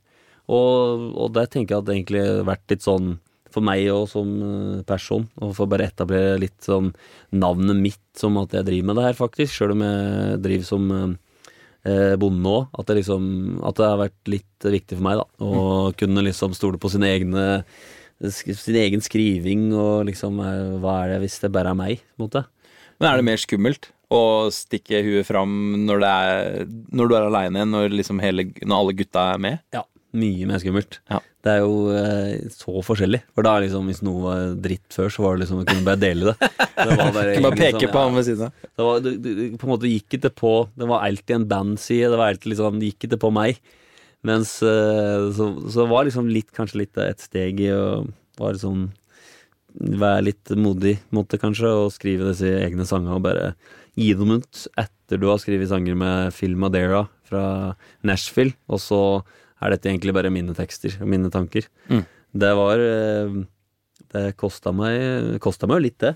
Samtidig så kanskje det var litt Nå, nå har jeg fått senka skuldra litt på det òg. At det, det, det går fint, det òg, liksom. Det, Mm. det er det som er meg òg, da. Den skrivinga der. Så nei, det, det var bare kanskje litt tida nå, da, som gjorde at det var litt riktig. At uh, det ene nødvendigvis ikke trenger å utelukke det andre heller, da. At uh, humming eh, At det er spikeren i kista for humming, sånn sett. Men at Mm. Det var litt sånn inspirerende å prøve å sitte eh, oppe i Hemsedal og skrive sanger, og faktisk eh, at det er på Spotify eh, noen måneder senere. Ja, det At det går an, det òg. At du ikke må innom Nashville, da, eksempel. Ja, Være ja. innom Hallibakken en tur på Nesbyen. Ja, for det er der du har vært og gjort mye. Ja. Ja? Jeg har jo øh, hørt om det studio. Ja. Gjennom svigermor og svigerfar har jo drevet da Hemsedal barnegospel i år, og da har de spilt inn alt der. Og det var liksom gjennom svigers jeg hørte, hørte om han, da. Og syns at dette var, så ut som en veldig trivelig studio. Og så er det noe med nå i livet som er nå, så er det jo barnehagetida er jo gull verdt. Så da kunne du faktisk gjøre noe inni den, disse sju timene der.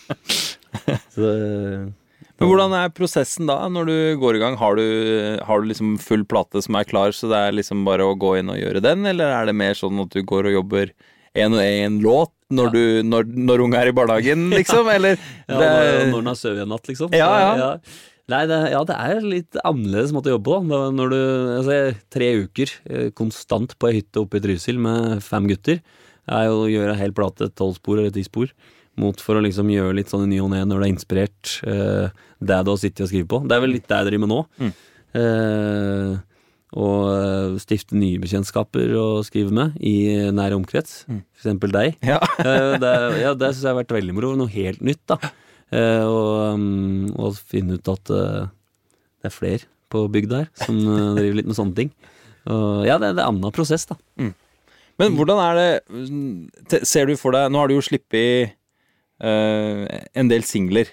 Ja. Er det sånn at du ser for deg at det kommer på en måte en, en fullengder her på et tidspunkt, eller, ser du for eller trives du i singelformatet som eh, soloartist? Um, nei, jeg, jeg tror jeg kanskje jeg er litt sånn uh, Litt gamleskolen der. Det er litt moro å gi ut singler, men uh, bør nok kanskje klare å gi ut ei plate da. I eget navn.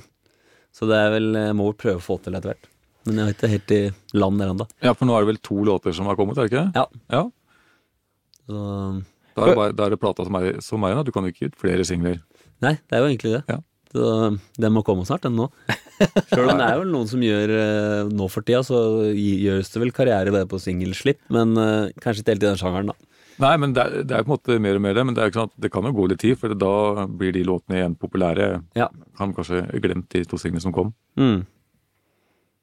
Ja, det er noe med det. Og så er det fint med Spotify, for da får man det ut der, så er det i hvert fall arkivert for, for ettertida. Mm. Det er veldig, veldig greit. Men har du, har du på en måte skrevet de nye singlene dine litt sånn én og én? Eller jeg tenker sånn der, hvis man går inn og skal gjøre en plate, så enten så går man i studio, og så har man liksom materialet klart, og Mm. det er liksom innøvd, Ja. eller så går man i studio, og så sier man ok, om tre uker så skal det være ferdig. Ja. Og da har vi enten skrevet Det som vi ikke liksom hadde med oss klart, det skriver vi på en måte underveis. Ja. Og så er det liksom den stemninga eller viben man fanger på et eller annet vis, da. Det er, eller det er kanskje en måte å se på det. Men Mm. når du da gir en og en singel, og hvis det da skal liksom bli en fullengder til slutt, Ja. hvordan, du, hvordan greier du da liksom å holde eh, fokuset på liksom det store bildet da, på en sånn plate? At ikke, eller ikke at det er noe gærent med at hvis det kommer på en måte en plate med ti singler, Mm. men det er jo en, en annen måte enn sånn som det, kanskje du har jobba før, da. Ja. Så det blir nok litt sånn eh, Litt blanding blanding her. Det blir ikke helt sånn som vi gjorde før, at du stikker to uker en plass og spiller inn. Mm. Men samtidig så tenker jeg mer når, jeg- når jeg bare får landa Jeg driver liksom og jobber litt for meg sjøl når jeg har overskudd og tid, og lander litt sang, sangen.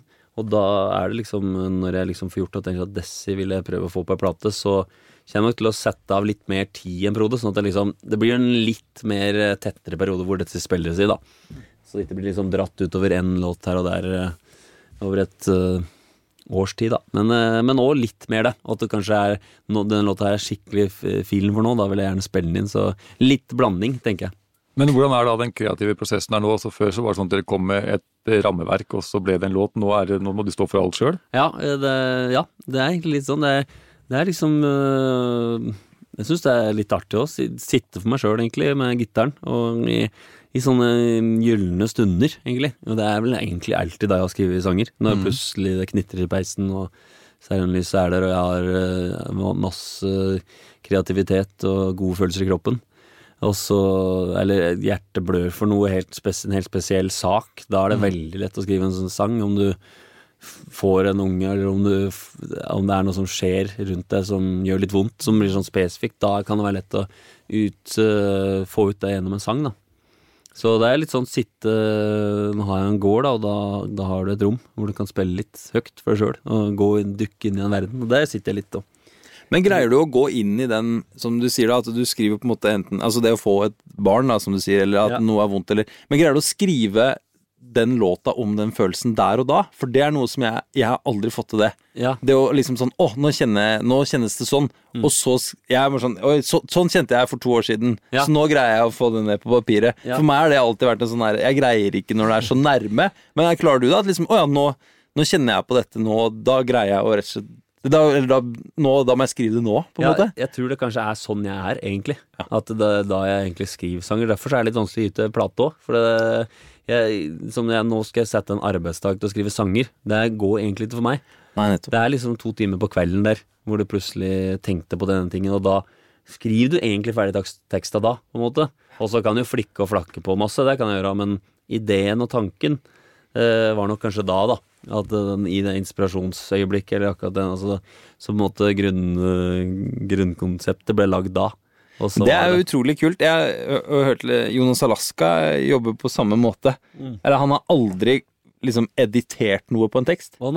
Og det er for, meg er det helt sånn det, Jeg skjønner ikke at det går an, da. Ja, det- for for min del så føler jeg det er noe av det som jeg føler på at jeg er god på. Er Ja. å sitte og flikke på tekst, da. Mm. Um, eller i hvert fall noe av det som jeg har gjort mye. Så, så det er et eller annet sånn Jeg er liksom misunnelig på deg da, eh, og Jonas Alaska, som eh, liksom greier å liksom fange den derre Åh, nå, nå føles det sånn, eller nå kjenner jeg på dette, og så greier man å liksom fange det der og da. Det synes jeg er en sånn Det tror jeg jo gjør at mange opplever at at du nok er oppriktig i Ja, det, det som kommer fra da- deg, da. Det blir jo sikkert da mye mer ekte, for da er, det da er du i den følelsen. Ja. At du har tatt, satt den på avstand. Jeg vet ikke. Og det kan jo kanskje være at eh, på en måte eh, vege litt for da å gjøre noe solo, da. Eh, Mot for å spille i band hvor du synger Mississippi, liksom. Mm. Det er litt sånn bandkonsept. Jeg synger ut om mine personlige ting. Og det blir mer Jeg tillater meg sjøl å være litt mer personlig, da. Eh, når jeg er solo. Eh, og skriver litt om mitt liv og mine ting. Og det gjør jo meg Jeg syns det er lettere å være formidler, da. I hvert fall. Når du synger om ting som er litt mer på, går litt mer på liv, eget liv, da. Uten at det skal kun handle om vel, prat, prate om bare private ting. Men at det blir litt mer sånn tett på sånn sett, da. Men eh, når du da sier at du sitter og skriver disse låtene, når du da tar med deg en sånn låt i studio, Ja. har du da liksom hele låta klar, og du har liksom et bilde på hvordan den skal låte Ja. når du går i studio? Jeg nå har gjort tre låter nå, og Ja. to som jeg slipper ut. Og da er egentlig De to låtene som jeg har gitt ut, hadde jeg egentlig det, ja. Og så den tredje, den var litt mer sånn eh, Den har jeg ikke gitt ut ennå, for jeg tenkte kanskje jeg skulle gi ut tre, da. Å starte med. Men den har jeg ikke funnet helt den vibben som jeg hadde tenkt da på, på første runde. Men eh, ja, der hadde liksom litt ferdig tanken da, ja. Mm. Eh, Og da er det jo på en måte, hvis du har det, hvis du føler at det er ganske bankers, så er det jo ganske grei sak å spille inn. Kan, men hvordan blir da den kreative prosessen i, altså i studio? Er det da da er det mer bare kjør på, sånn skal det være, liksom? Eller? Ja, det var litt sånn, men da bare finne at folk må bare finne nerva, da. Mm. filen, liksom. Leite litt etter mm, nerva på piano og på gitar og Men er det noen av de samme folka fra Helming sånn som du har med deg? Eller? Jeg gjorde ikke det, disse, den runden der, da, for da tenkte jeg at nå, nå skulle jeg liksom prøve å stå på egne bein. Ja. Det frista veldig Mhm. å ha med mine gode venner. Ja. Eh, og sånne ting, Men så tenkte jeg nå prøver jeg å gjøre det sjøl, og jeg får veldig god feedback fra dem. da Det er veldig mye heiing, og syns det var moro å høre det der. Og Så jeg tenker at det, det var eh, Det var ikke noen fra Humming som spilte på det her Nei. Det var, Hvem har du hatt med deg? Nei, det var eh, Audun, da, Haugeplass, Ja. som uh, spilte alt mulig keys, egentlig. Og Eller piano og orgel, var vel egentlig det jeg hadde. Det var ikke så mye andre ting. Og så var det um, spilte en bass på en låt. Og så var det en fetter av meg som uh, spilte trommer. Han samme du starta med? som du med, eller? Nei, nei det, det er Annen sånn- fetter? Det, er- ja, en annen fetter. Det er jo Det det starter jo med Det er litt mye musikk i familien. Så Ja, det er en annen bandfetter som har spilt mye i andre band. Så han uh, sette opp til i oppveksten, så tenkte at han må jeg få lurt med meg på det her. Og, og søstera hans som eh, korer med meg. da Miriam Våga. Ruben Våga heter han trommisen. Miriam er også artist. Ja, Ja. hun er artist. Stemmer. Ja, for jeg tenker da tilbake til dette første refrenget på den første plata, da. Ja. Love Instead of Hate This Time. Mm. Så går du solo, og så kommer du med jo flere låter, men da føler jeg Ragged. Ja, Går tilbake til Den er vel liksom der? Er vi ikke det, på et eller annet vis? Jo, den er jo egentlig det. Men øh, øh, det det er jo litt sånn kanskje litt mer erfaringsbasert da, da. Eh, Litt, det er litt liv, liv levd imellom, da. Ja. Både med ganske mange fengselskonserter og en del år. Det er igjen Frelseshjemmens fengselsarbeid. Det endte jo med at jeg jobba i Frelseshjemmen. Fikk et sånn hjerte for eh, både liksom gatas folk og, og folk som har slitt litt med rus og sånne ting, og det var liksom trekke fram litt det, da. Så litt sånn tett på ensomheten. Og at det er å Ja, kan kanskje dra, en, eh, dra litt tilbake dit, ja. Mm. At, eh, det å bli sett og hørt. Men altså, man merker jo også at du er litt mer voksen i også måten man ordlegger seg på, da. ja, jeg håper det Det kan nok hende, det, ja. Sånn at det er jo Man ser at det har vært en reise. Ja, ja men det er bra. Eller man ser det- ikke, man hører at det har vært Ja, man hører det absolutt, men jeg tenker det, det at du på en måte nå slipper rag, da, etter det Jeg tenker du har jo du har, jo- du har jo opplevd mange ting som mange andre mennesker ikke har, ikke sant, gjennom å spille i fengsler og 250 konserter Altså, det er som Du har gjort mange ting som mange andre ikke har gjort. Ja, ja. Eh, og, så jeg tenker på en måte det at Love instead of hate this time, hvis den linja hadde kommet nå òg, så hadde det jo på en måte At det hadde blitt fokus når du nå er jo en voksen mann, det hadde jeg på en måte ikke syntes vært så rart. Men det er fortsatt noe med det som liksom fascinerer meg, at det er, den, det, er det første refrenget på den første plata. ja. Så det, det, må, du må på en måte Jeg tenker noe engasjement og gnist da, for noe, ikke sant? Du må brenne for noe oppi dette her, Ja. som er større enn at du skal bli rockestjerne, på et eller annet vis. Ja. Det er vel, det har vel kanskje vært den røde tråden hele veien. Skal vi bare høre Ragged, eller? Det kan vi gjøre. Jeg har, vi har jo liksom vært inne på det, men jeg tenker at du må jo ha en eller annen slags sånn eh, En gnist eller driv, eller i hvert fall et menneskesyn på et eller annet vis, Ja. som på en måte blør igjennom i, i musikken og tekstene dine. Mm. Men, men hvor, hvor kommer liksom det ifra? Nei, altså, det er, altså det, Vi skal gå tilbake til starten her. og Det å vokse opp i liksom bedehusmiljøet. Eh, sønn av en eh, Altså i pinsemiljø jeg vokste opp i. Sønn av en, eh, en pastor, og veldig mye sånn eh, aktive meningsfolk i hele familien. Og det har vel egentlig bare Jeg har dyrka og funnet meg sjøl gjennom funnet meg sjøl òg, og, og tru på min egen måte, men det å ha en sånn tru har vel egentlig liksom vært med meg hele livet. Og uten å liksom skrive kristne, forkynnende sanger, som jeg kanskje det eldre har gjort, eller jo, i hvert fall det, det før, før folk omtrent hørte det, så kanskje en gjorde det. Men eh, så har vel det ligget i bånn, ja, eh, på en sånn måte, som jeg ikke har hatt lyst til at skal være noe sånn prakkende.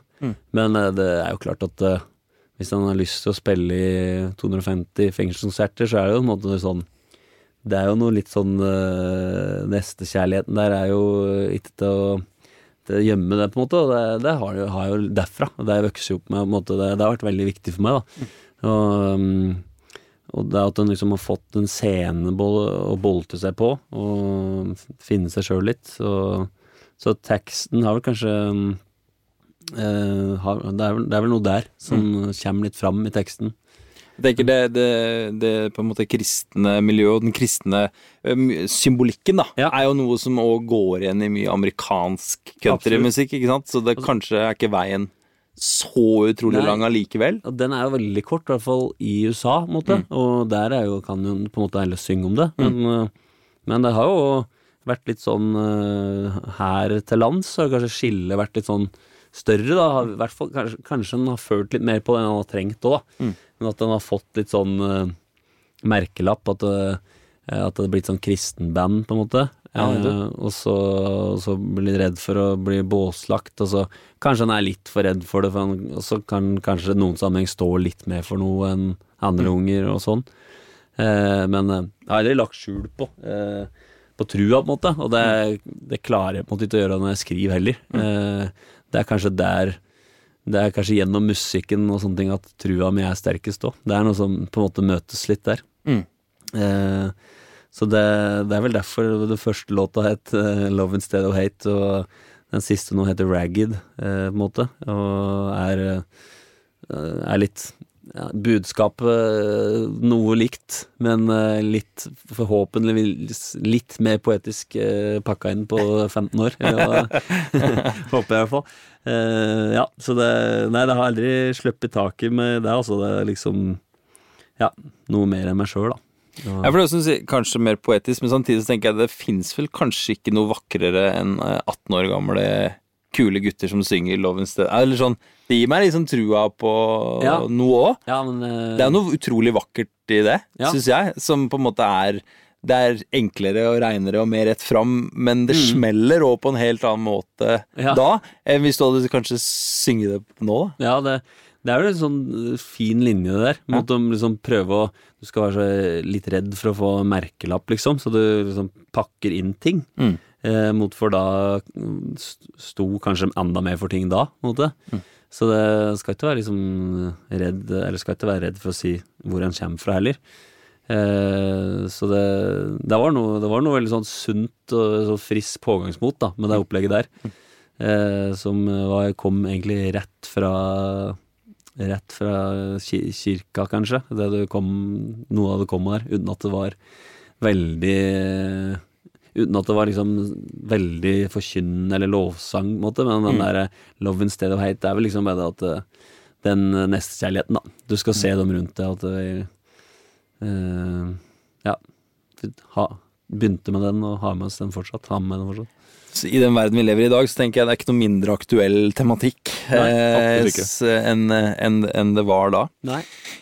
Men eh, når var For én ting er jo kanskje den her første gnisten og det du har hatt med deg, men når var sist gang hvor du liksom kjente at det tentes en gnist i noe? Altså hvor du liksom kjente at wow, her er det liksom et eller annet Ja. som eh, som, eh, som på en måte tenner noe. Jeg vet ikke om det, det kan være egentlig hva som helst, om det er musikk, eller om det er et engasjement, eller om det er liksom eh, Men som er deg nå, da. Ja, nei ehm, Nei, hva skal Det er første som tenker på Eller det er liksom det å kunne eh, kunne gjøre litt flere Gjøre litt flere ting, da. Jeg kunne sikkert Det var et spørsmål jeg sikkert kommer til å tenke på i bilen, at jeg kunne svart mange ting på. Men, eh, men at jeg, jeg har tatt over en gård og liksom jeg lever jo eh, et helt annet liv da, etter jeg flytta til Hemsedal, og det er familieliv og Men det, jeg lever veldig sånn tett på naturen, da. Og på en helt annen måte. Det er liksom jord, da. Eh, dyrke jorda. og Vi, vi liksom eh, bevarer kulturlandskapet. Og liksom lever tett på naturen på en helt annen måte. Og syns egentlig det for meg kanskje er um, Det er en sånn ny inspirasjon. da Før så var det som å jobbe med mennesker, og mennesker som sleit og kom seg ut av den sleiten. Men nå er liksom det å eh, leve litt tett på naturen og få en, litt sånn inspirasjon der, da. Litt, eh, og, kunne, og kunne liksom prøve å knyte sammen litt og være artist, da. Samtidig som jeg er bonde. Det gir meg litt sånn hvis jeg, Når jeg føler at jeg får til det, så, så gnister det litt. Ja, så kult. Uh, ja. Til slutt der, så nå har jo vi prata godt og lenge, og det, det er jo kjempeglad for. At, alltid. ja, det gjør vi alltid. Det er jo veldig stas. Men nå får du ikke lov til å bruke så lang tid, for her har vi fem kjappe. Oi! Så her må du rett og slett velge. Mm. Og det er ikke noe sånn at du kan velge begge, eller her er vi for første gang knallharde. okay. Så her må det, her må det velges. Og det skal, det, skal, det skal skje forholdsvis raskt. Ok. Er du klar for dette her? Mm. Ok. John Mayer eller Air Clapton? John Mayer. Eh, Garn eller støl? Det er Støl. Hemsedal eller Lena? Og Hem Hemsedal. Ja, det var, den var. Gitar eller bass? Gitar. Johnny Cash eller Switchfoot? Eh, Johnny Cash. Åh, dette var veldig bra. Bra jobba. Ja, den, Det var, den siste og Lena Hemsedal, den eh, angrer meg redde.